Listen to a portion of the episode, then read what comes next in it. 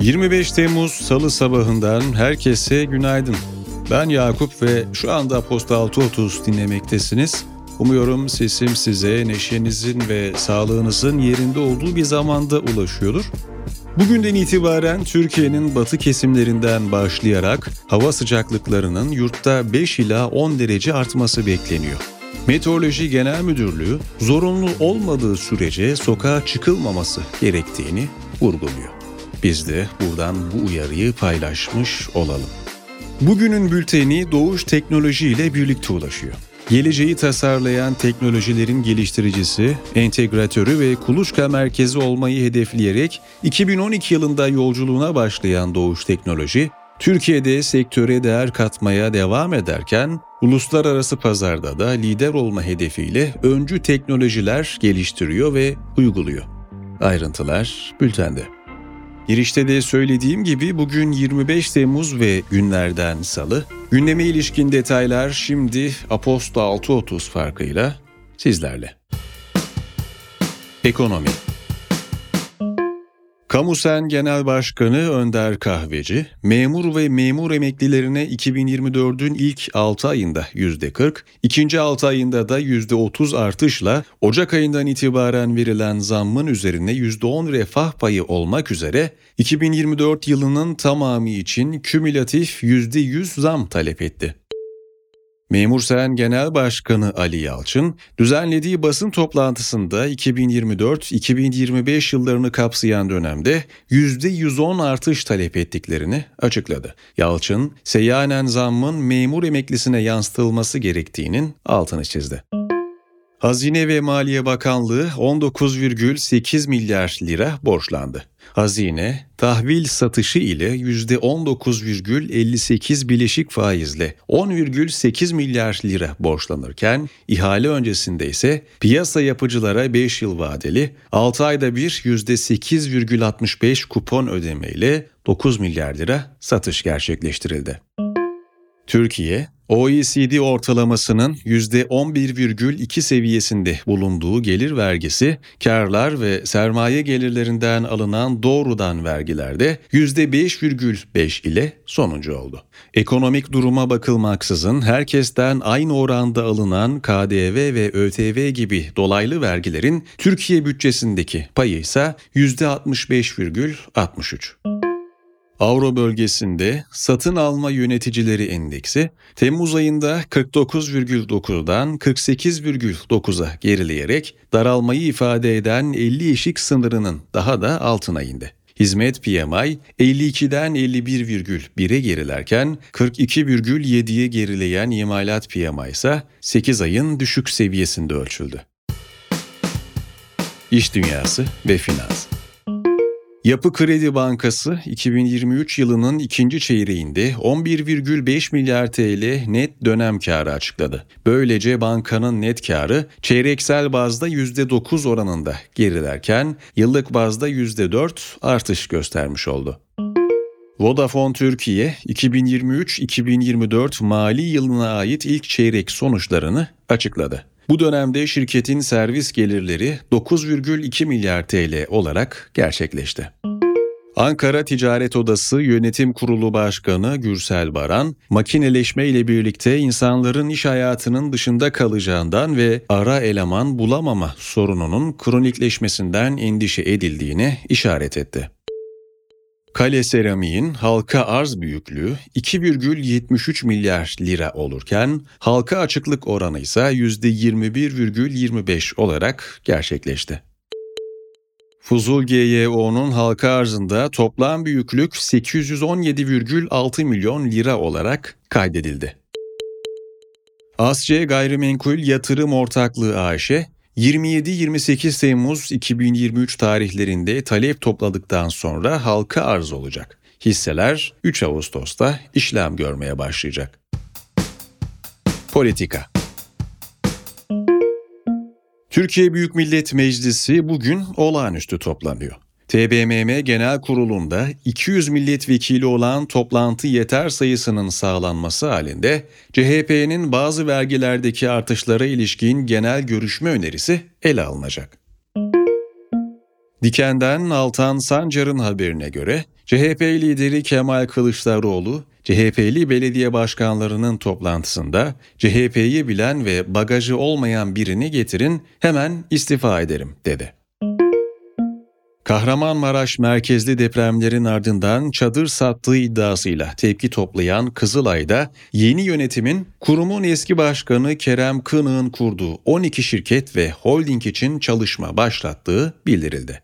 Bir günden İsmail Arı'nın haberine göre şirketlerin yönetim kurulu üyelerine huzur hakkı adı altında yapılan ödemelerde durduruldu.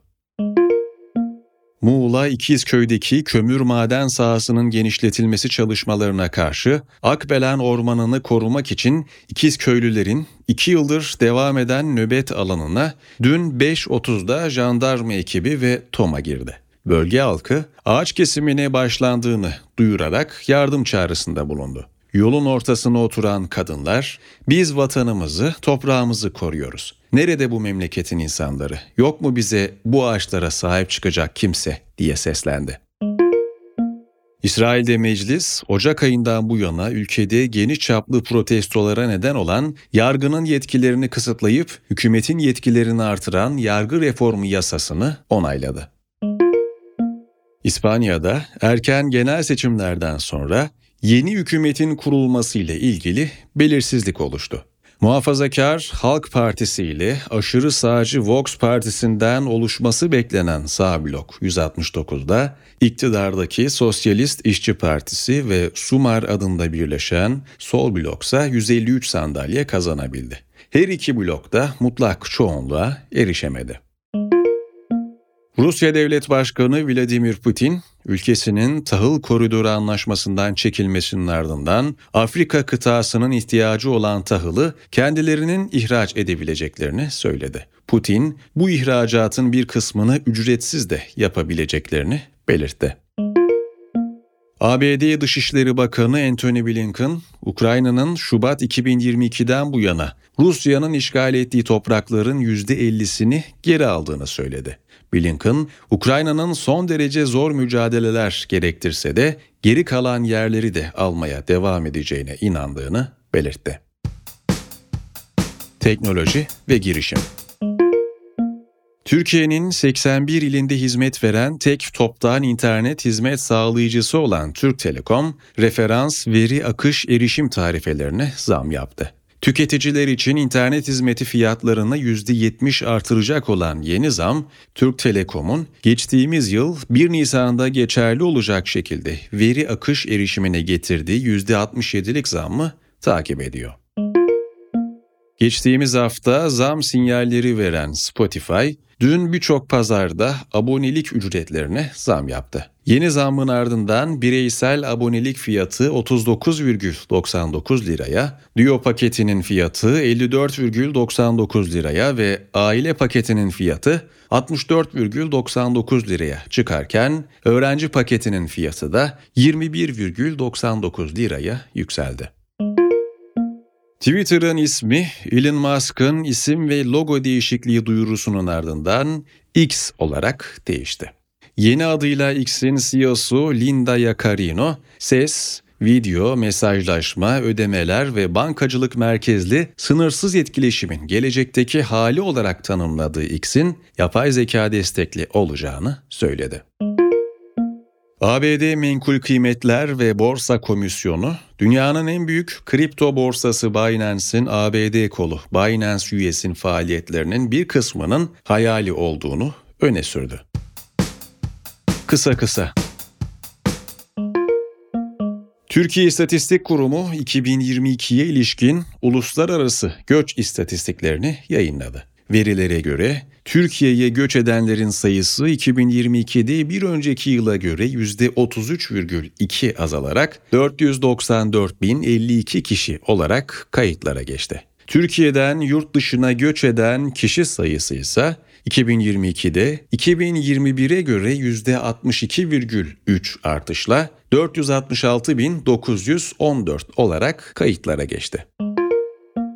Genel seçimlerden önce marketlerde ürünlerin üzerine yapıştırılan bu ürün size pahalı mı geldi? Erdoğan sayesinde yazılı çıkartmaları hazırlayan görsel iletişim tasarımcısı Mahir Akkoyun hakkında açılan kamu davasından beraat etti.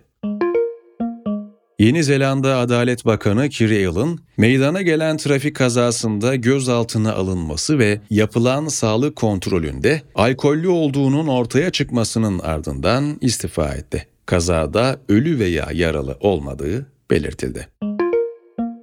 Almanya Savunma Bakanı Boris Pistorius, ordunun mühimmat ve cephane ihtiyacı için 8 yılda 20 milyar avroluk yatırım yapmayı hedeflediklerini açıkladı. Günün hikayesi bir garip fesih meselesi. CHP ve Halk TV arasında neler oluyor başlığıyla geliyor. CHP geçtiğimiz hafta Halk TV ile anlaşmalarının tek taraflı feshedildiğini açıkladı. CHP Genel Başkan Yardımcısı Eren Erdem yaptığı yazılı açıklamada Halk TV isimli televizyon kanalıyla partimiz arasında yapılmış olan ve Anayasa Mahkemesi ve Sayıştay denetimine tabi 01.01.2023 tarihli protokolün 6.3. maddesi kapsamında partimiz tek taraflı fesih hakkını kullanmış, Halk TV ile tüm ilişkimiz sona ermiştir ifadelerini kullandı. Bu konuyla ilgili daha detaylı bilgi Bültende sizleri bekliyor. Göz atmayı unutmayınız. Bugünlükte bana ayrılan sürenin sonuna geldik. Ben Yakup. 25 Temmuz Salı gününde gündeme ilişkin detayları sizlerle paylaştım. Bugünün bülteni Doğuş Teknoloji ile birlikte ulaştı. Bir sonraki yayında görüşünceye dek kendinize iyi bakın, hoşçakalın.